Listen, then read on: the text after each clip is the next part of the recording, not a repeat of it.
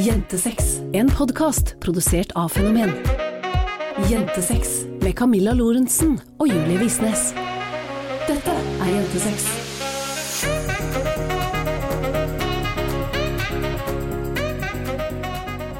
Hallo, alle sammen, og velkommen tilbake til en ny episode av din desiderte favorittpodkast Jentesex. Podkasten hvor vi snakker om sex, seksualitet, samliv og selvfølelse oss jenter imellom. Og her møter du meg, Camilla Lorentzen. Og meg, Julie Visnes. Og siden vi snakket sammen sist, så har det jo skjedd lite grann i livene våre, Visnes. Ja, vi har jo tross alt flyttet inn i huset vårt. Du vet at jeg fortsatt snakker om det som leiligheten. Ja, jeg også. Jeg refererer til det som leiligheten hele tiden på stories og sånn. Og det er jo ikke det, for det er jo et toetasjes hus med loft.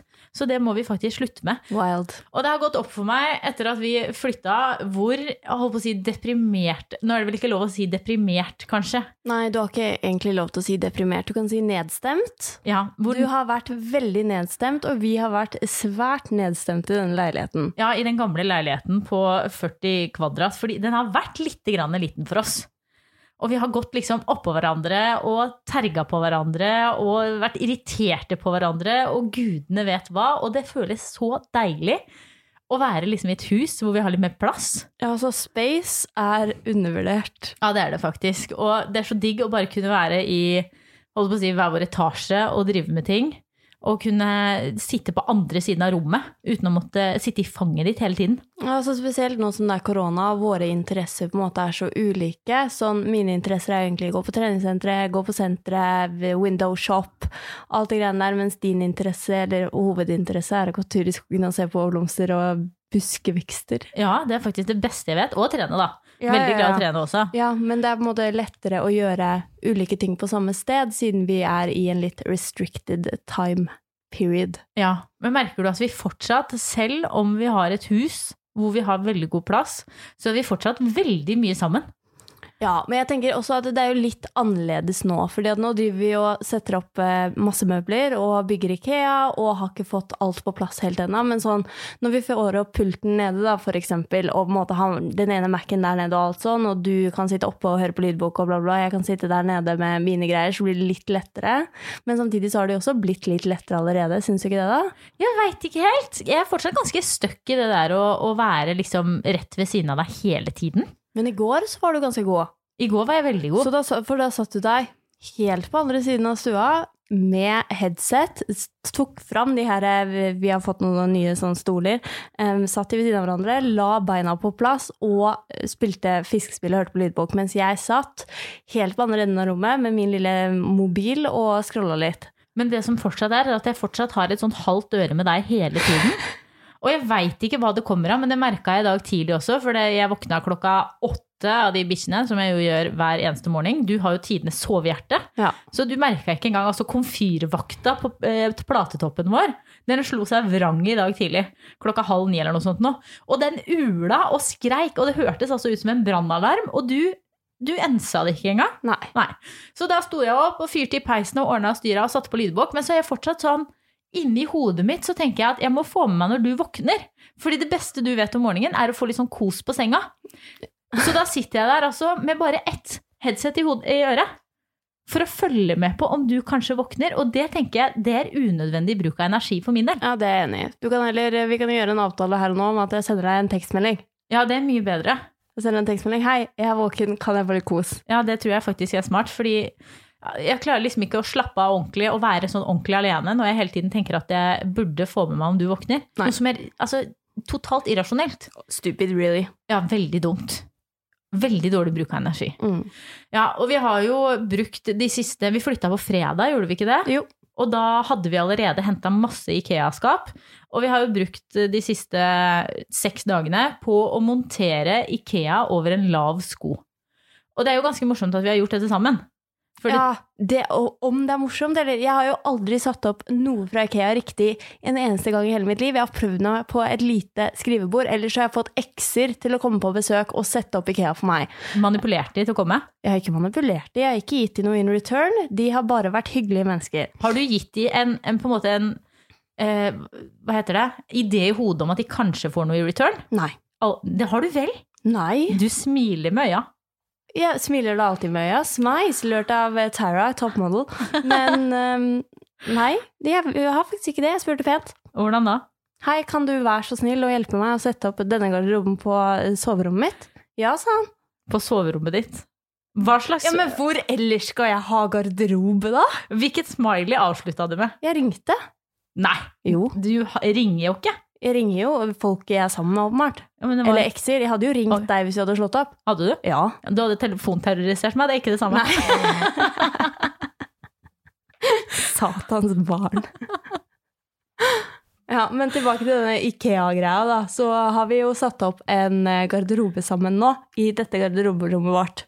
Og det var jo en prosess. Det har vært en utvikling. Vi starta jo på en måte dag én. Altså, jeg har, ikke for å skryte av meg sjøl, men jeg har ganske mye erfaring med å montere Ikea-møblement. Og du har erfaring med ganske mye, men det skal vi komme tilbake til etterpå. Det kan vi snakke om senere. Fordi, eh, holdt på å si, den forrige leiligheten jeg bodde i, der flytta vi jo inn i eh, noe som var ikke beboelig.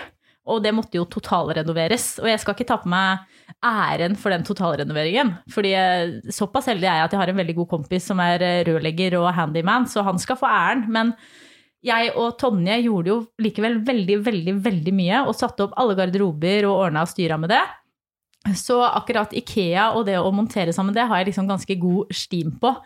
Det dumme var jo at jeg forventa på en måte i begynnelsen at du bare skulle follow my lead. Ja, det var det. Altså, fra starten, når vi skulle bære inn disse lange flatpakkene inn på eh, garderoberommet, fra, fra det sekundet så trodde du at jeg bare visste akkurat hva jeg skulle gjøre. Så når du flippa den der eh, flatpakka og landa rett på fingeren min, det var en dårlig start. Og hva sa du da? At jeg kom til å miste neglen. Har du mista neglen? Nei, men jeg har mista neglen tidligere. Kom. Mange ganger. Kommer du til å miste den? Ikke akkurat denne gangen, nei. Men det var en fin trussel å Ja, komme med. det, ja, litt dårlig samvittighet. Har du? Du, Ja. du fikk. Ja, jeg fikk Ja, ja. nei, jeg har ikke dårlig samvittighet. Gud, det fortjente du. Det fortjente jeg. Ja, så jeg forventa på en måte at du bare skulle vite hva vi skulle gjøre, og at du bare skulle liksom øh, følge etter. Fordi når man har gjort det noen ganger med samme person, så gjør man jo nettopp det. Da Mhm. går det jo litt av seg sjøl. Og så bare glemte jeg liksom at det er en sånn innkjøring. At jeg ikke var. Tonje. Ja, at det er en sånn innkjøringsfase hvor man liksom må bli kjent med hvordan ting skal gjøres. Så da bare Det var ikke mangel på kommunikasjon, det var bare manglende kommunikasjon fra min side. Ingen kommunikasjon Det var alls. Nei, jeg kunne like greit tatt på meg lydbok og holdt kjeft. Ja. Og så begynte vi da å skulle sette opp det vi skulle begynne med, var et sånt hjørneskap som skulle inn i det ene hjørnet på walk-in-closetet til Julie. For det er det hun sier. Dette er mitt skap. Her er det jeg som har styringen. Dette er mitt rom. Så jeg har bare overført det, ja nå. Du har faktisk hjemmel du, på det rommet nå. Ja, Levert inn pantedokument, jeg. det har. Ja. Så vi skulle sette opp dette hjørnet, og det jeg ikke visste, og det du heller ikke visste, her føler jeg at det er delt skyld. Delt skyld! Ja. Vi begynte å sette opp dette hjørneskapet, Camilla, og halvveis så flippa du bruksanvisninga, så vi fortsatte med en annen bruksanvisning. Så du sa 'oi, nei, her har vi satt opp alt speilvendt', og det hadde vi jo ikke. Men according to the wrong bruksanvisning, så hadde vi jo det. Så derfor følte vi feil bruksanvisning resten av skapet, og hjørnet havna i feil ende. Det gjorde det.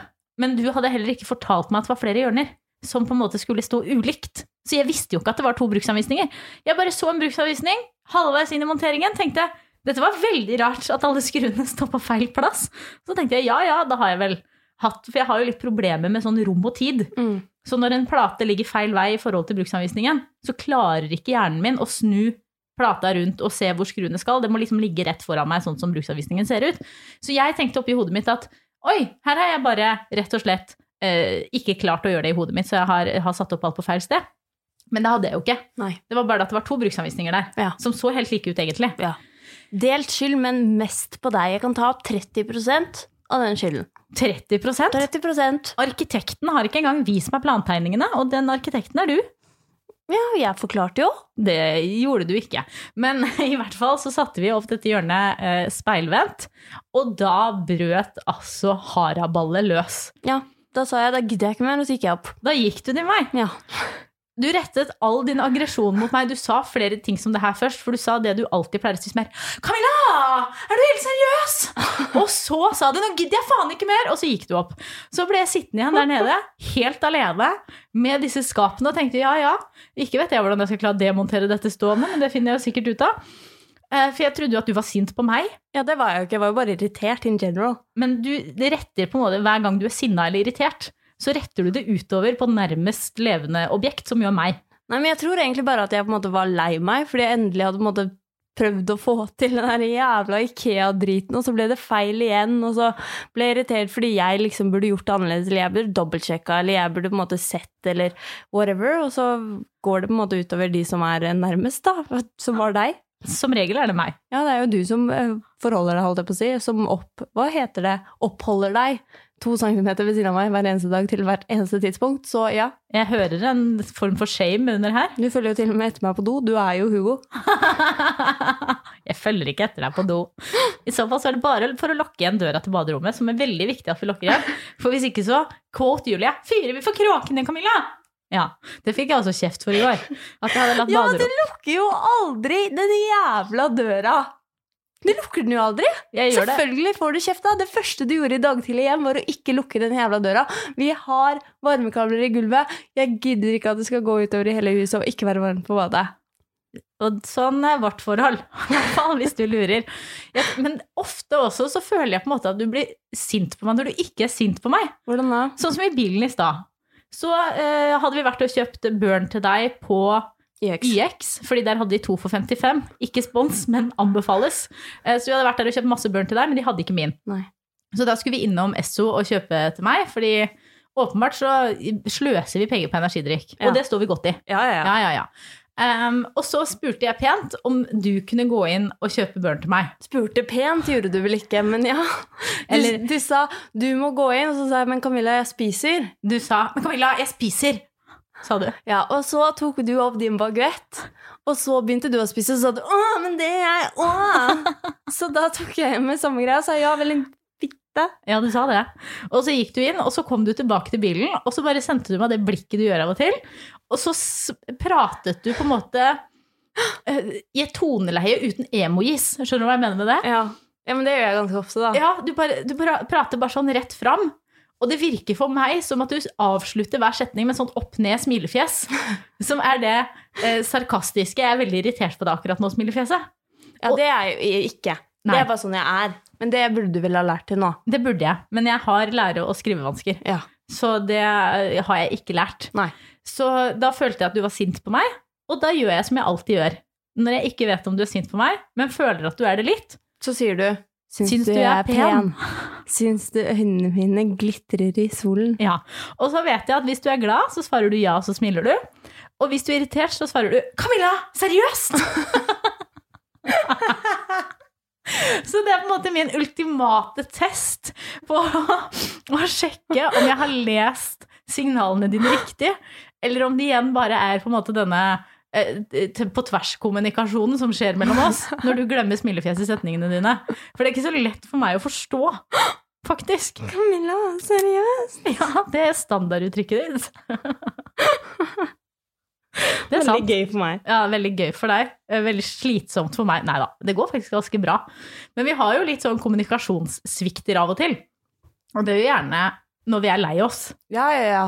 Altså, vi har jo det derre Hva heter det igjen? Sekundærfølelse? Ja. Ja. Hvis primærfølelsen min er trist, så er jeg ofte irritert. Hvis primærfølelsen min er sint, så er jeg også irritert. Hvis primærfølelsen min er noe som helst eh, oppgitt, lei meg, Skamfull. skamfull, anything, så kommer det ut som irritert. Og sånn eh, har det vært. Og jeg, jeg prøver faktisk å jobbe med det. Jeg syns på en måte jeg begynner å bli flinkere fordi jeg er irritert over kortere perioder enn jeg var før. Som før så kunne jeg liksom være dritlei meg, og så var jeg irritert i tre timer. Nå er jeg kanskje irritert i én. Og jeg har også lært meg å bare trekke meg unna, Ja. som gjør fint. Ja, altså fordi det som er med Vi er litt forskjellige på det der, men jeg liker å, å få litt space. Hvis jeg er lei meg eller whatever, så liker jeg å sette meg ned ti minutter, reflektere litt rundt hvorfor jeg er lei meg, og så kan jeg prate om det etterpå. Det gjør ikke jeg. Nei. Når jeg er lei meg, så vil jeg helst prate om det med en gang. Og hvis du er lei deg, vil jeg hvert, eller hvis du er irritert, da, som det jo er sånn det kommer ut for meg, så vil jeg i hvert fall prate om det med en gang. For hvis ikke så bruker jeg de ti minuttene på å sitte og grine. Ja. Mens du driver og reflekterer over hvorfor du er lei med deg. Så sitter jeg og griner fordi jeg tenker at du hater meg og ikke vil være kjæresten min. Ja. Så det er jo litt, litt har en liten jobb å gjøre på det en liten jobb å gjøre der. Men garderoben ble jo bra. Garderoben ble bra. Ja, Veldig, veldig Dag bra. to var jo ti av ti. Ja, da var vi skikkelig flinke. Da var vi gode. Da satte vi opp nesten alt. Ja, og vi var så raske. Altså, vi fikk ferdig tre garderober på hva? To timer. Mhm. Og var liksom, hadde tidenes eh, Dreamwork-team. Bortsett fra når du måtte holde topplata, og hver gang så følte jeg at du hata meg hvis jeg ikke var kjapp nok med den sideplata. Ja, men altså, jeg er ikke så sterk. Du er ganske sterk. Ja, men så sterk er jeg ikke, og de var satans tunge. Når man må stå der oppå en sånn der gardin, gardin, gardintrapp og på en måte holde armene rett ut og bære den her greia for at den skal holdes oppe, det var tungt, altså. Det var det. Ja. Så jeg fikk lov til å si 'kjappa på'. Ja, det fikk du. Og det, det sto jeg godt i òg. Og da ble vi altså så fort ferdige, og vi var så gode. Og så fikk vi bygd hele den garderoben på dag to, og mm. spikra den sammen og ordna styrt. Og dag tre så monterte vi skuffer og satte inn hyller og gjorde alle disse tingene der. Det eneste som var drit på dag tre, var at på kvelden når vi skulle gjøre ferdig de små skuffene, så gikk strømmen i hele nabolaget. Så jeg satt der med eh, den lille iPhone-lommelykta mi og fikk ikke til en dritt, og da ble jeg selvfølgelig irritert igjen. Og det er også fordi du er mørkredd. Ja, dritmørkeredd. Åh, det var... Og så etterpå, vet du hva som skjedde da? Da hadde strømmen endelig kommet tilbake. Jeg tenkte vi gikk og dusja. Strømmen gikk i dusjen, og hos oss så er strømmen kobla til vannet, så jeg sto nå der med lilla sjampoen min I håret. i håret. Og det var ikke vann. Det var ikke vann, det var ikke strøm, det var eh, ingenting. Det var helt mørkt, og nei, fy fader, det var skummelt. Jeg skreik ganske høyt. Det gjorde du. Og da også kommer det fram som irritert med Camilla! da få på den jævla lommelykta, Camilla! Kjapp deg! Fordi det har jo, du har jo en liten historie fra på en måte barndommen hvor du så en film Ja. som du fortsatt er redd for hver gang du så- dusjer. Ja, faktisk. Altså, men jeg var dritliten. Jeg tror det var jeg og eh, det må ha vært meg og Vi hadde en sånn venninne på barneskolen som eh, Vi så alltid på sånne skumle filmer som vi ikke fikk lov til å se sammen. Og så, for det første så så vi Haisommer en gang og sneik oss ned i kjelleren og låste døra etter oss for at ingen skulle komme inn og se at vi så på Haisommer. Og så gikk vet du, strømmen i hele nabolaget da òg, og vi kom oss jo ikke ut, fordi at vi så jo ikke nøkkelen. Og da Dere hadde jeg- gjemt nøkkelen. ja, og da hadde vi bare en sånn liten flipptelefon Sony Eriksson, vet du, og da var det jo ikke noe lommelykt på den heller. Og det har altså gitt meg traumer, og jeg er fortsatt redd for grunn av det her. Og vi så også The Ring. Og The Ring er grunnen til at jeg ikke i faen i helvete lukker øynene og dusjer fortsatt. Og jeg gikk jo på den smellen da vi skulle dusje igjen i går. Fordi du sto der, og av og til så glemmer du jo at du er redd for The Ring. Ja. Og så lukker du øynene når du står i dusjen likevel. Ja. Ja.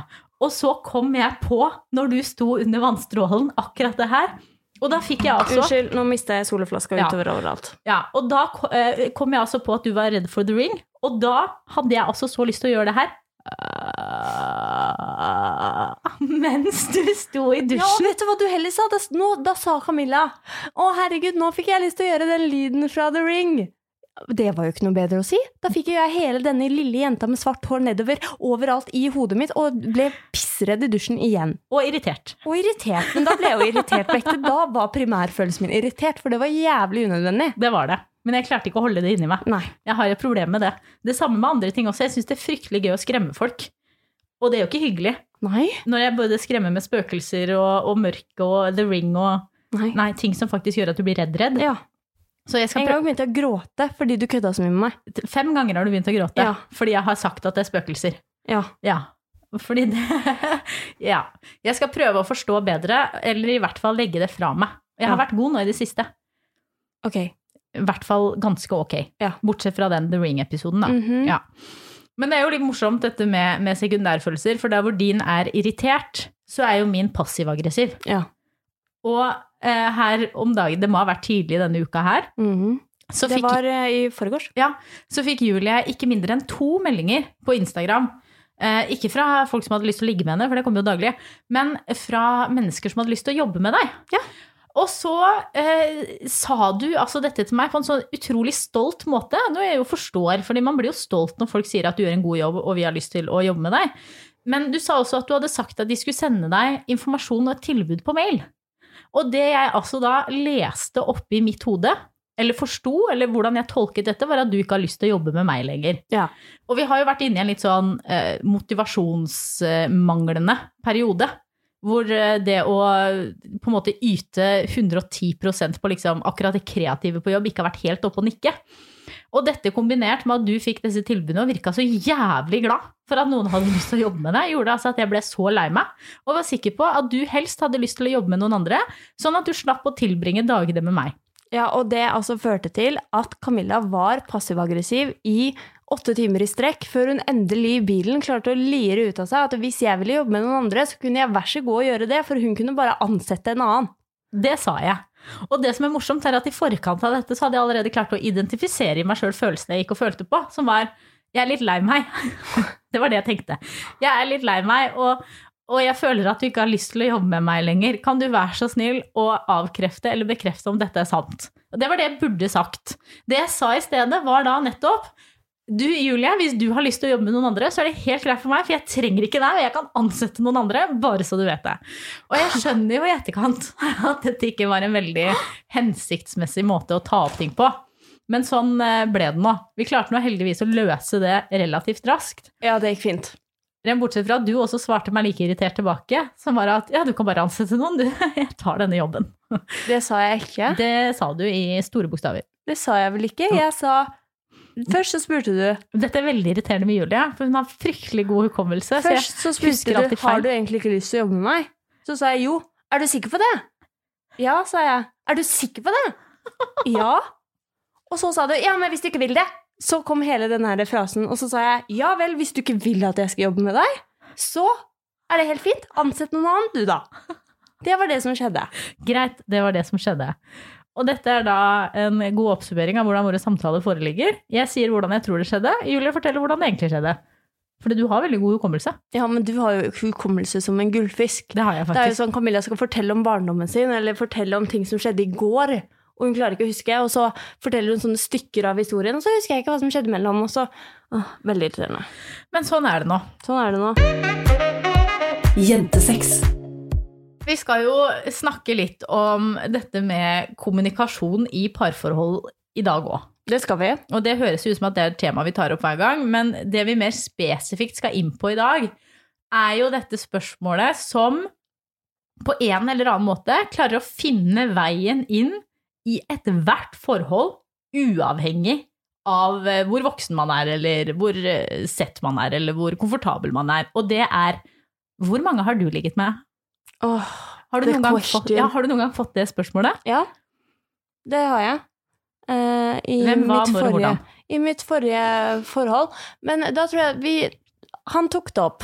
Og var liksom sånn Ja, altså, du virker jo som en veldig ordentlig og, og flott og fin og rolig jente, og hvordan, hvor mange har du ligget med? Og jeg er veldig annerledes fra alle de andre guttene, fordi eh, jeg har ikke ligget med så veldig mange, fordi at for meg så er det veldig meningsfylt dette med sex, og, og ja, så jeg lurte egentlig bare på om vi kunne ta den praten, liksom, om eh, ekser og sånn, og det var altså, dette sa han på første date. Nei. Og, og jeg ble fremdeles sammen med han. Bare Red sånn, flag. I'm not like all the other boys. ja, Do you want an award? ja.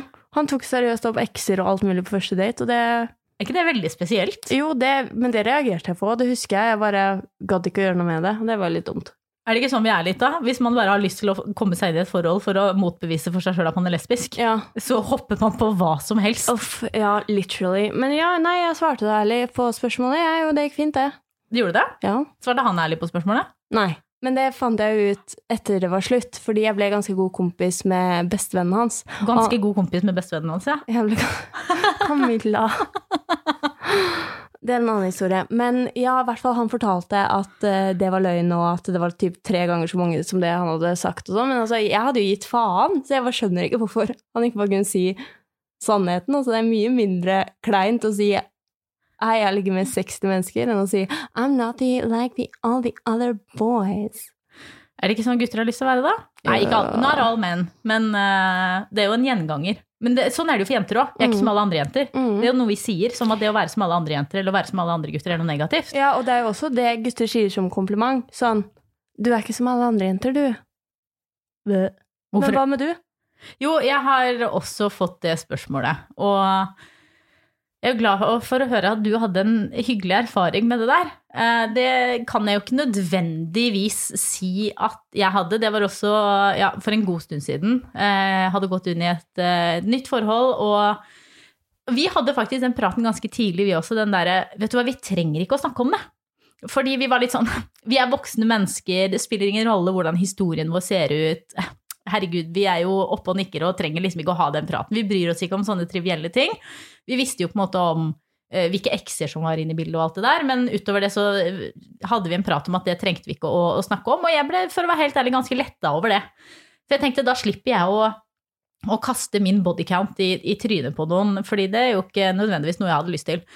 Men så på et eller annet tidspunkt så klarte jo dette jævla spørsmålet å snike seg inn likevel.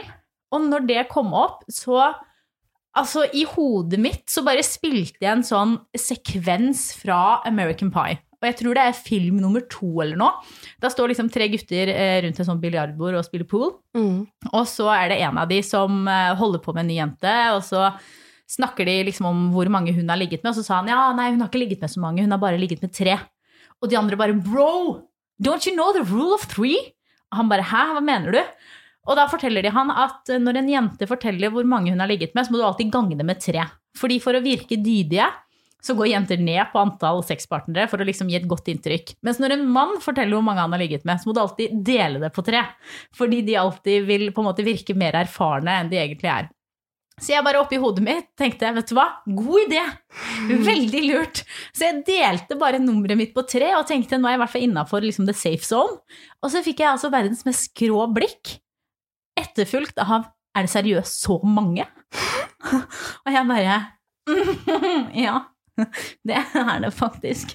Kom det noen gang fram det ektetallet? Ja, det kom fram litt etter hvert, og da var det heldigvis fint. Men det var altså en periode der hvor det var så mye dritt rundt alt det der. fordi da ble jo det så klart etterfulgt med liksom Har du hatt trekant? Og da hadde jeg jo allerede løyet om én ting, liksom, så jeg kunne ikke fortsette å lyve. fordi da kjente jeg at den eh, kognitive dissonansen min nådde et nytt nivå, så da svarte jeg jo ja på det, og så ble det en helt sånn ting med at jeg var så erfaren, og eh, at det liksom ikke Vi var på samme nivå, eller noe sånt noe, og så ble det en svær greie. Um, så ja, det følte ikke så veldig mye godt med seg, men etter hvert eh, som ting ble litt mer satt, så var det ikke så viktig likevel. Nei. Og da kom det fram. Og da var det en morsom historie, heldigvis. Ja, det var flaks, da. Ja, Hvor mange var det? det var noen, ja. Det var en, noen. Ja. Mm. Hvor mange var det du delte på tre? Jeg delte et nummer på tre, Hvilket nummer? og kom fram til et annet. Hvilket nummer delte du på tre? Jeg delte ca. 50 på tre. Og hvor lenge var dette siden? Det er noen år siden, ja. Noen år siden, ja. Mm. Så det, ja. Der er vi oppe og nikker. Herregud, har jeg nå sagt live på podkast hvor mange jeg har ligget med? Her sitter jeg og napper i disse snorene fra genseren min, for jeg kjenner jeg blir litt ille berørt. Ja, men hvorfor blir vi egentlig så ille berørt? Er det ikke noe med på en måte Altså, hvis du som sitter og hører på nå, da tenkte oi, shit, det var mange, hvorfor det? Ja, men tror du ikke vi har en litt sånn nedarvet sånn kulturmessig, da, om det stammer fra kristendommen, siden den har vært i Norge så lenge, eller hva det er, den derre tanken om at eh, på en måte dydigheten til en kvinne, og en kvinnes renhet, og en kvinne, kvinnes på en måte presentabelhet, er å finne i antall sexpartnere. Fordi kvinner og seksualitet er jo ikke akkurat noe det har blitt satt likhetstegn mellom så jævlig lenge. Eh, og altså i de aller, aller fleste religioner så skal jo en kvinne når hun gifter seg eksempel være urørt. Og man skal se etter blod i senga for å se at jomfruhinnen har sprukket. Altså eh, virginity is a social PSA, construct. Jomfruhinnen. mhm. Ja, den kan eh, forsvinne når du hopper på en trampoline, så ikke tenk så mye på det. Men, men vi har jo på en måte fått innprenta den ideen om at eh, kvinner skal være jomfruer fram til de blir eh, rørt av den ene mannen de skal være med for resten av livet. Og hvis de på en måte ikke oppfører seg på den måten, så er de urene på en eller annen måte. Men hvorfor tror du det sitter igjen så mye da? Sånn, altså, jeg kan jo forstå at uh, in the older days så var jo dette på en måte en, en way of life og, og alt det der, men har vi ikke kommet lenger? Jo, vi har jo kommet lenger i form av at uh, jeg tror at det er ganske få i Norge som forventer at uh, den de gifter seg med skal være jomfru, eksempel. Det er jo vanlig på en måte å debutere seksuelt en gang mellom 16 og 20 eller 25 eller et eller annet der omkring. Men jeg tror jo fortsatt at de holdningene som vi alltid har hatt om at kvinner skal være så rene som mulig, eh, sitter igjen i oss på en eller annen måte. Som om at man liksom blir uren av å ha sex. Eller som om at eh, Altså hva er det alle mytene som er ute og går, da? At man blir løs og, i vaginaen, og at den ikke trekker seg sammen igjen. Og, altså, det er jo bare bullshit alt sammen. Så tror du at det er sånn at eh, vi som kvinner da skammer oss hvis vi har ligget med flere enn et visst antall? Hva er det antallet? Hvordan vet man hva som er på en måte grensa for, for hva man har lov til å si høyt? Altså, jeg syns det er så Jeg veit ikke helt. Jeg syns det er så rart at sex er jo digg. Mm. Hvorfor skal vi ikke få lov til å ha det digg med så mange mennesker vi vil, så lenge det er consensual? Nei, altså, det er jo sånn det burde være. Um, og for menn så er det jo gjerne sånn. Mm. Men så er det noe med at de holdningene vi har hatt, liksom sitter igjen så jævlig lenge. Og er på en måte litt sånn innarva i oss, og går jo fra generasjon til generasjon. eh, selv om utviklingen går videre, da. Men vi kan jo slå fast en gang for alle at man kan ligge med så mange man vil. Ja. Og det har ikke noe å si om du har mange eller få sexpartnere. Fordi det er mange som snakker om det her med liksom å ha flere sexpartnere, så blir man også mer erfaren. Og det er jo greit nok, men for eksempel så har ikke jeg ligget med mange kvinner før jeg har ligget med deg. Nei. Eh, Men jeg er jo fortsatt ganske erfaren med deg. Ja. Fordi man bygger seg opp en erfaring med den partneren man er med. Og det er jo ikke sånn at eh, det én jente liker, er overførbart til det alle jenter liker, eller det én mann liker, er overført til det alle menn liker. Mm. Det er jo sånn at man må, må tilpasse det til person etter person. Mm. Jeg har også følt litt på den der med at målet skal være å ligge. Den der med å gå ut på byen, og på en måte hele målsettingen med å gå ut på byen er å finne seg et ligg. Er det også på en måte noe som har blitt normalisert innad i på en måte jentegrupper og sånn, men samtidig så er det fortsatt slik at guttene ønsker at vi ikke skal gjøre det? Ja, det er jo litt sånn paradoksalt det der, fordi altså det å gå ut på byen for å finne seg noen å ligge med, er jo ganske naturlig og vanlig. Eh, Men allikevel så er det ikke det vi har lyst til å si høyt at vi gjør, på en måte. I, jeg tror det sikkert avhenger litt fra jentegjeng til jentegjeng hvordan Ja. det der er. Sikkert. Men jeg husker jo sjøl, liksom, da vi var jentene ute på byen i in my twenties, som jo er et ti år siden. Nei da, det var to år siden jeg var i mine twenties, så det er jo kjekt å ta med seg videre. Men så var jo det To og et halvt. Hold kjeft. Så var jo det der å få med seg noen hjem på en måte Da satte man standarden overfor de andre, da. Og eh, kunne si at man hadde en vellykka tyr på, på fisketur. Um, men samtidig så skammer Eller skamma jeg meg kanskje litt over det når jeg på en måte skulle inn i litt mer seriøse eh, forhold med gutter. Ja, for det er liksom kult når du er singel, men med en gang du skal på en måte nevne de du har ligget med, eller nevne tall, eller noen ting sånn her, så blir det med en gang sånn type skambelagt. Men hvordan kan man da ta opp det på en måte som er som ålreit? Altså, hvis ja, vi, Fordi skammen er jo der. Ja, men Hvor, hvordan jobber man med den skammen for å, for å komme over den? Er det sånn man på en måte må, må lese seg opp på Madonna-horekomplekset, eller er det, hva skal man gjøre? Ja, for jeg tror jo litt den derre eh, Altså det Madonna-horekomplekset er jo litt sånn holdt på å si rart og morsomt, men det er jo tanken om at en kvinne enten så er hun seksuelt attraktiv, eller så er hun en potensiell kone. Eh, og at eh, mange, faktisk, det leste jeg, at mange menn fremdeles har vanskeligheter for å skille mellom de to. Og at hvis de ser en kvinne som seksuelt attraktiv, så ser de henne ikke nødvendigvis som en potensiell partner. Det er ikke wife material. Nei, og hvis de ser henne som wife material, så vil de ikke bruke henne på den måten som de ville gjort med en eh, seksuell eh, relasjon, da. Og at vi jenter på en måte har overtatt litt disse holdningene og tenker at jeg har lyst til å være en kvinne som menn vil ligge med, men hvis jeg skal inn i en relasjon, så må jeg vise at jeg egentlig er en partner som har ting på stell, og som ikke er en sånn type jente. Og som kan lage mat, for faen! Altså, Jeg vet jo hvor mange ganger jeg har driti meg ut på det der. Herregud, jeg, altså Jo da, jeg kan jo lage mat til en viss grad, men jeg er ikke noen sånn her mastersjef. Jeg er ikke Camilla Lorentzen, liksom. Så nei. Og jeg også, vi har kjent på den der, ok, men nå er jeg på vei inn i dette forholdet, nå må jeg rydde og vaske og lage mat, og jeg bare kunne ønske jeg kunne bare channel Christina Yang Å være deg sjæl, liksom. og være meg sjæl, liksom. Jeg skjønner ikke hvorfor vi ikke får til det. Nei, men det er jo sikkert noe med det her at altså selv om vi kan snakke så mye vi vil om likestilling, liksom, men det er jo noe med at kvinner fortsatt blir sett på som de som skal være de som holder huset i orden og tar vare på barn og, og sånne ting. Så vi tar jo helt sikkert med oss det. Men hvis vi, vi går litt tilbake til den derre spørsmålet. Mm. Hvorfor er vi så opptatt av å vite hvor mange partneren vår har ligget med? Hvorfor er det liksom en ting vi alltid må inn på? Altså, jeg tror det kommer fra ulike ting. Noe kommer jo fra et sånn type konkurranseinstinkt. Både fra Altså, hvis du er sammen med en mann, så kan det komme fra mannens side, med tanke på hvor mange menn han må konkurrere med, eller være bedre enn, eller må leve opp til en viss standard, eller sånne ting. Og på en måte den standarden blir jo Altså, det er jo vanskeligere å measure up jo flere partnere har ligget med. Tror du ikke? Jo, eller at at man føler det, i hvert fall. Det er jo ikke, det er jo ikke Nei, nødvendigvis nei, sannheten. ikke sannheten i det hele Men tatt. at det føles At sånn. det føles sånn. Hva tror du? Ja, og så kan det jo også være den der følelsen av å være erstattelig. Mm. Fordi altså, er det én ting man ønsker å føle når man går inn i et forhold, så er det jo at jeg er den eneste ene. Mm. Jeg er den eneste du vil ha. Jeg er den eneste som kan ta opp denne plassen.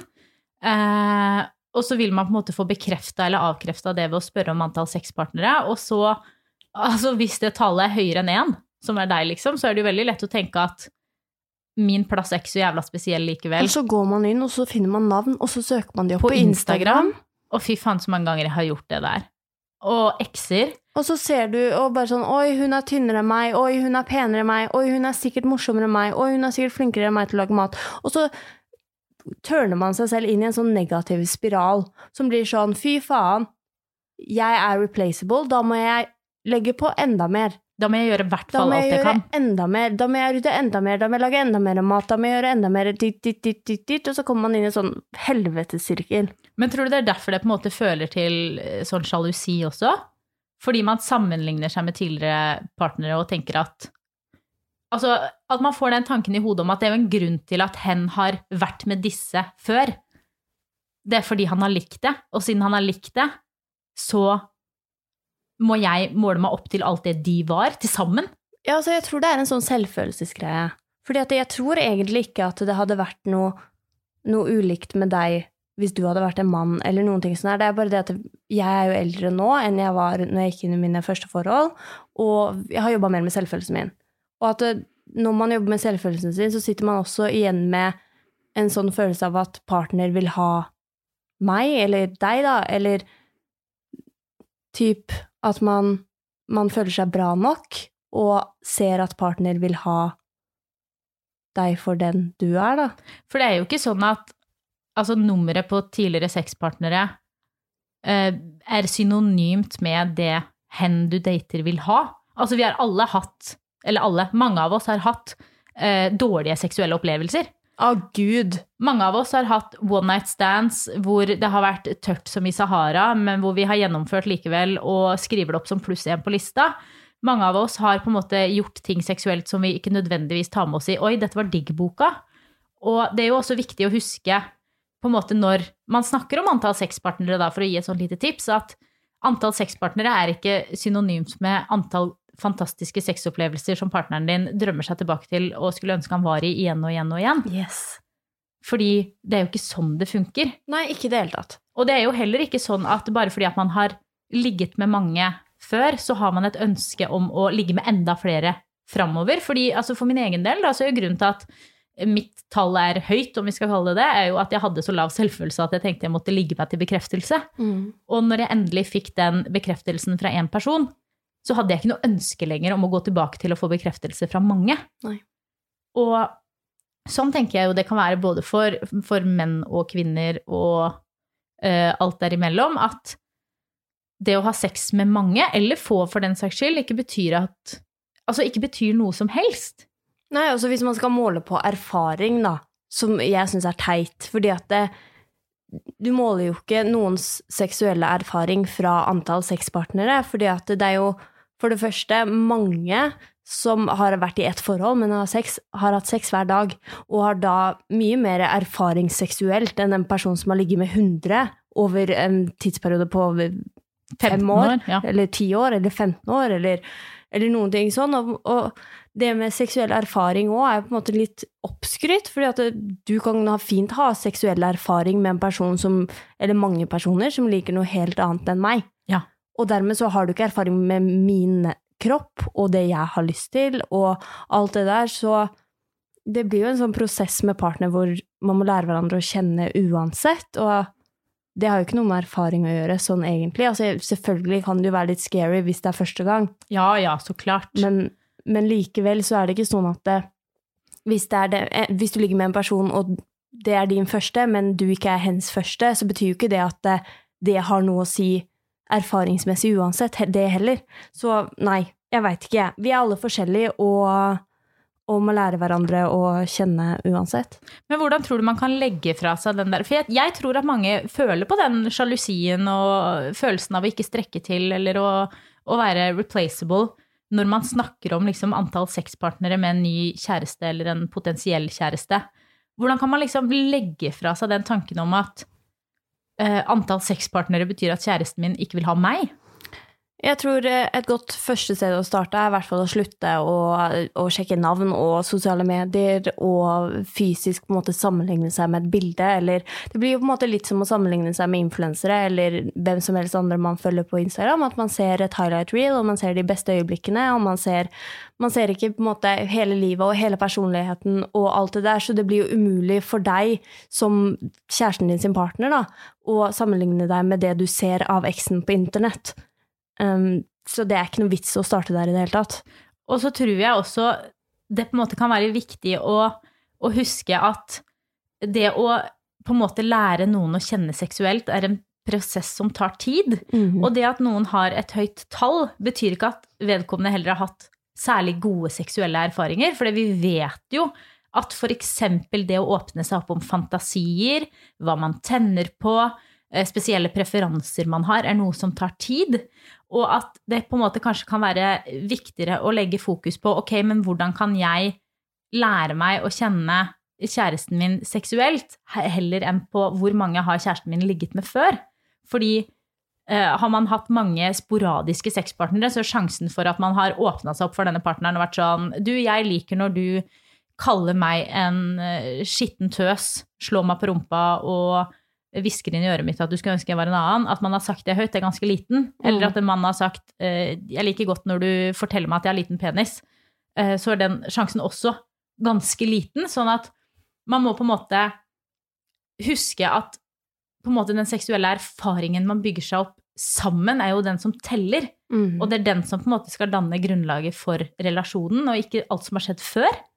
Nei, helt enig. Altså, vi kan jo bare snakke på en måte for våre tanker og våre erfaringer og, og alt sånt her, men jeg tror uansett at det er viktig å huske at det, tidligere forhold blir slutt for en grunn. Mm. Altså, det er ikke sånn at det, man går rundt hvis man har blitt dumpa, da, og er heartbroken resten av livet. Livet går faktisk videre, og det er ikke noe vits å sammenligne seg med ting som har blitt slutt.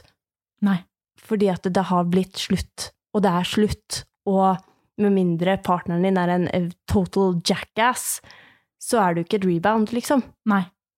Og du er jo det hen har lyst til å satse på framover. Så jeg tror liksom det kanskje er det viktigste vi kan, kan ta med oss videre, er at partneren din er sammen med deg av en grunn, Mm. og vil ha sex med deg av en grunn.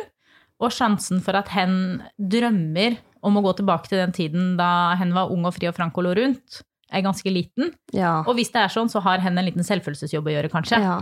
Eh, eller så må dere sammen finne ut om et åpent forhold er greia. Mm. Um, og det er jeg sikker på at dere finner ut av sammen. ja. Nei, Herlig. det ble en god prat. Du hører Jentesex. Da var det på tide med litt spørsmål. Og vi har altså fått en tilbakemelding fra noen uker tilbake hvor vi snakka med Molly. Og hun fortalte oss at eh, sex med kjæresten hadde blitt litt kjedelig i det siste, og at det hadde blitt samlebåndssex, som hun så pent kalte det. Og hun sendte oss en melding nå og sa at hun hadde hørt på podkasten og bestemt seg for å gjøre noe litt ekstra for kjæresten som snart har bursdag. Så hun har gått inn på Lamour-boks og kjøpt en boks med litt smådiv som de ikke har prøvd eh, før, som f.eks. en orgasmekrem, og ønsker at vi skal ønske de lykke til. Lykke til. Så da kommer vår eh, ønskning til deg, Molly, som er lykke til, og kos dere masse. Hei! Hey. All right. Jeg har i hvert fall eh, et spørsmål her klart nå, Jeg er, gleder meg. fra Oda. Åh. Oda. Og here we go. Jeg er tolv år og er usikker på min seksualitet. Dette er noe eh, som gnager på hjernen, og jeg vil gjerne finne ut av det. Jeg kunne vært sammen med en jente, men også en gutt, tror jeg. Er jeg da bifil, eller er dette rett og slett bare en tanke? Jeg er i en vennegjeng hvor en har kommet ut som bifil. Jeg syns det er veldig skummelt og ekkelt å tenke på at jeg ikke kan snakke med noen om dette. Jeg har ingen i familien eller venner som har noe som helst imot homofile, men tenk om det bare er en fase, eller om jeg bare er usikker på meg selv. Hvordan klarte dere å finne ut av deres seksualitet, og har dere noen tips til oss unge som skal finne ut av dette nå? Å, så fint. Altså, Oda er reflektert. fryktelig reflektert over tolv Tolv år. Ja, jeg blir veldig imponert. Da jeg var tolv år, jeg har en stil hjemme eh, om en elefant som gikk på tur i skogen. Så jeg tenker at Oda har kommet. Ja, det var imponerende. Jeg ble imponert. Hun har kommet hakket lenger enn jeg. Jeg reflekterte ikke engang om jeg hadde en legning jeg, da jeg var tolv.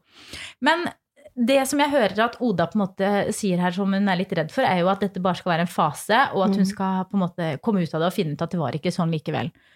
Men så tenker jeg, altså Hvordan vet vi at heterofil ikke er en fase? Nei, men altså, jeg, jeg, jeg syns vi skal på en måte se på seksualitet som en flytende ting. Eh, fordi at det er ikke sånn at du må definere deg eh, som én ting for alltid. Altså, jeg har definert meg som heterofil, og jeg har definert meg som bifil, og jeg har definert meg som lesbisk, og forhåpentligvis skal jeg definere meg som lesbisk for alltid, holdt jeg på å si, men Jeg håper i hvert fall ikke du går tilbake til heterofil. Nei. Det hadde vært veldig kjedelig for meg. Nei, men jeg tror at det går helt fint å gå fra seksualitet til seksualitet gjennom livet, og at ved å på en måte fjerne den frykten om at det er en fase, så kan du heller tenke ok, men jeg tror jeg er bifil her og nå, og på en måte utforske den delen av deg og, og sånn akkurat nå, og så ikke bekymre deg så veldig mye om hva som skjer neste år, eller hva som skjer om ti år, eller hva som skjer om 20 år, eller hvem du på en måte ender opp med til slutt, da, fordi jeg syns ikke den derre boksgreia, å putte seg inn i en boks, er hensiktsmessig når man ikke helt vet hvilken boks man tilhører. Altså For noen så er det klinkende klart, men for veldig mange så er det ikke det. Og så er det jo også litt med at selv om du putter deg selv i en boks nå, så er det ingenting i veien for at du hopper over i en annen boks senere. Ja, det også. Og, og det er også litt sånn fint. Jeg skjønner, jeg skjønner godt, for jeg har jo hatt det behovet selv for å på en måte definere meg på en eller annen måte. Men det er også fordi jeg kanskje har definert meg som heterofil i 30 år. Og eh, fikk et litt sånn slag i trynet da jeg plutselig fikk følelser for en jente og ikke helt skjønte hva som skjedde. Eh, og har på grunn av det på en måte hatt et litt sånn behov for å finne ut av ting. Også for å kanskje forklare for meg selv hvorfor jeg handla som jeg har gjort tidligere. eh, Hvorfor jeg er der jeg er nå. Så jeg skjønner det veldig godt. Men det er på en måte ikke noe i veien for å, å hoppe inn i en boks nå, så ser du om den boksen passer, og kanskje passer den en stund. Kanskje passer den ikke i den hele tatt, sånn at du vil hoppe over en ny boks med en gang. Men det er i hvert fall ingenting i veien for å på en måte hoppe videre og prøve ut de forskjellige boksene for å se hvilken som faktisk passer deg. Enig. Og det er også noe med det her at Ja, ja, hvis det er en fase, Oda, så går det helt fint. Du trenger ikke å forsvare overfor noen i framtiden dersom du går gjennom denne fasen og så finner du ut at du er lesbisk, eller finner ut at du er heterofil, eller at du er panfil. Så går det helt fint, og det er ikke Mhm. noe du behøver å, å forklare. fordi selv om det kan virke sånn, så er ikke heterofil, eller det behøver i hvert fall ikke å være normen. Mm -mm. Og altså, alle vi som eh, definerer oss selv som noe annet enn heterofile, i hvert fall de aller, aller fleste av oss, har hatt en heterofil fase. Ja. Skjønner du hva jeg mener? ja. Vi har hatt den fasen hvor vi har sett på oss selv som heterofile, og så har vi gått ut av den, og det har gått helt fint. Og det går helt fint å gå ut av den heterofile boksen og komme tilbake til den senere også. Og så eh, er det også en måte greit å huske på at hvis du finner ut at du er bifil, så betyr det ikke at du er heterofil selv om du faller for en mann. Nei. Eller en gutt. Eller Men det betyr heller ikke at du må falle for en jente. Nei. Sånn at du har lov til å på en måte falle for den du faller for. Så kanskje vårt beste tips til Oda er å Ha muligheten åpne. Ja, og prøve deg litt fram. Eh, snakk litt med jenter, snakk litt med gutter. Se hva du føler deg mest komfortabel med. Kanskje kommer du fram til at kjønn ikke har noe å si i det hele tatt. At det Mhm. som er viktig for deg, er personlighet. Um, og det kommer du til å finne ut av hvis du gir deg sjøl muligheten. Og hvis det er en fase, så går det helt fint. Vi har alle faser gjennom livet. Mhm. Som heterofil eller panfil eller bifil eller jeg vet ikke helt hva slags fase jeg har nå, men eh, en eller annen fase er det. Ikke heterofil, i hvert fall. Eh, og det er helt greit å gå på en måte inn og ut av disse boksene. Så kanskje vi skal kalle det det. Bokser istedenfor faser. Ja. Fordi jeg føler at faser har noe litt sånn negativt over seg. Jeg er enig. Vi kaller det bokser. Vi kaller det bokser. Og ta på deg den hatten som passer Ja. nå. Uten å tenke så mye over hvilken hatt du vil bruke om fem år. Ja. Motene forandrer seg uansett. ja. Ja. Herlig. Hei, nå syns jeg vi var hyggelige. For en gangs skyld. Ja, det var faktisk bra. Like greit at vi ikke spiller inn den podden her klokka 11 på kvelden, tenker jeg. All right. Det neste spørsmålet er fra Stine, og hun sier hvordan kan jeg bli glad i sex? Når jeg ligger med andre, føles det bare rart, unaturlig og generelt lite digg. Selv om kroppen min responderer og blir klar, er hodet mitt et helt annet sted, som om jeg ikke egentlig er til stede. Jeg har aldri, som jeg egentlig kommer på, vært kåt eller hatt særlig sexlyst, men jeg vil ha lyst. Onanerer og har prøvd vibrator, og det er digg, men føler fortsatt ikke på noen form for tilknytning. Har tenkt litt at jeg bare må fake it, men det funker ikke helt, virker nesten mot sin hensikt, fordi jeg ender opp med å gjøre ting jeg egentlig ikke vil. Oi, holdt jeg på å si. Altså, jeg tenker at det vi prater så lite om, Stine, det er aseksualitet. Fordi eh, vi er på en måte litt sånn oppfostra på den tanken om at sexlyst er noe alle har. Men tingen er jo at sånn er det ikke. Og nå skal ikke jeg si til Stine at du er aseksuell, for det har jeg null kompetanse eh, for å uttale meg om. Men jeg tenker at det er en ting som Stine kanskje kan lese litt om. Og se om noen av de knaggene passer på henne. Ja. Og sam samtidig så kan jeg godt kjenne meg litt igjen i det Stine sier om at hodet er andre steder. Mm. Fordi både du og jeg vet at mitt hode, det vandrer dit mitt hode vandrer. Og det, altså, jeg skammer meg jo hver gang det skjer. Og det er litt sånn Når vi har sex, for eksempel, så føler jeg liksom at jeg burde jo alltid være helt in it. Mm. Men av og til så bare forsvinner hodet mitt, og det kan skje når vi ligger og kliner, eller det kan skje når jeg går ned på deg, eller når du går ned på meg, og så plutselig så er jeg bare et helt annet sted og tenker på den regninga fra Automester som jeg egentlig skulle ha betalt, men som ligger igjen i leiligheten, og som jeg har glemt å ta med, og at jeg må reise og hente den, og så tar jeg, meg selv, tar jeg liksom meg selv i å være i en sånn tankestrøm, og så er det bare sånn, men fuck! Nå skal jeg fokusere på at noen ligger og slikker på klitorisen min. Helvete ta! Focus back, focus back, focus back. Ja, og så tror jeg også det er noe med det derre å presse fram ting. Fordi at eh, med en gang man ligger da og skal ta på seg selv, eller man ligger med en partner, og man hele tiden At fokuset ikke er på å føle på hva som skjer, men at fokuset er å tvinge seg selv til å føle at det skal være digg. Mm. Så tror jeg også at det på en måte kan gjøre at man blir tens og stressa og gjør på en måte vondt verre, da. Um, så jeg vet ikke om det kan kanskje være noe å tenke på i tillegg, og, og virkelig bare finne fram til den slappe av-greia og si til deg selv at vet du hva, hvis det ikke er digg, så er det greit.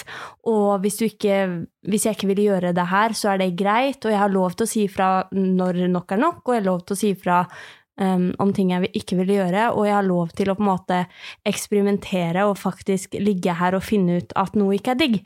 Ja. Fordi at det er ikke sånn at jeg må ligge her og tenke at det her er digg hvis ikke er det, eller presse fram en sånn digg-følelse som ikke er digg. Eller altså, bare hele den der med ok, men jeg skal gi meg selv lov til å kjenne etter om det både er digg, og jeg skal gi meg lov til å kjenne etter om det ikke er digg, og hvis det ikke er digg, så er det helt greit. Og min erfaring er også at hvis man på en måte har dager eller uker eller måneder eller år hvor det skjer veldig mye ting, og hodet på en måte går litt på en sånn spinn, altså det kan jo være noe pga. korona, eller eh, en eller annen fight du har hatt med en venninne, eller whatever, så er det også veldig lett å på en måte ta med seg den følelsen i kroppen og de tankene inn i senga, uavhengig av om du ligger der med en partner eller ikke, og på en måte det er veldig lett for hodet å vandre da, selv om du jo føler at jeg skal ligge her og nyte det. Og da er også min erfaring, eller det tipset jeg kan komme med, er å prøve å ha en sånn eh, fantasi som du går til, som, hvor du på en måte begynner helt fra starten og prater deg selv gjennom fantasien for å på en måte komme inn i, i mooden. Eh, hvis Stine har lyst til å teste ut det, da. Eh, hun kan lese en erotisk novelle som hun liker, og på en måte huske den litt, og ta fram den hvis hun kjenner at eh, hodet vandrer. Ja. Eh, fordi det gjør det på en måte litt lettere å slappe av og komme litt i kontakt med seg sjøl. Mm. Fordi det er jo også litt sånn at selv om man har stimuli rett på klitoris, hvis hodet ikke er med i det hele tatt, så kjenner man nesten ingenting. Nei. Det må liksom være et, et fokus der, så det kan jo også være noe for Stine å ta med seg. Ja. Det var gode tips, syns jeg. Det syns jeg også. Stine, ikke vær eh, redd for å lese litt om aseksualitet. Det kan jo godt hende at du kjenner deg igjen der. Gjør som Julie sier, og tillat deg selv å eksperimentere på en måte hvor du ikke presser deg sjøl til at det skal være digg. Og hvis du kjenner at hodet vandrer fordi det er mye som skjer i livet, eller fordi det er lite som skjer i livet, for den saks skyld, så kan du kanskje ha en fantasi som du går til, som drar deg inn i den moden, mooden du ønsker å være i. Yes.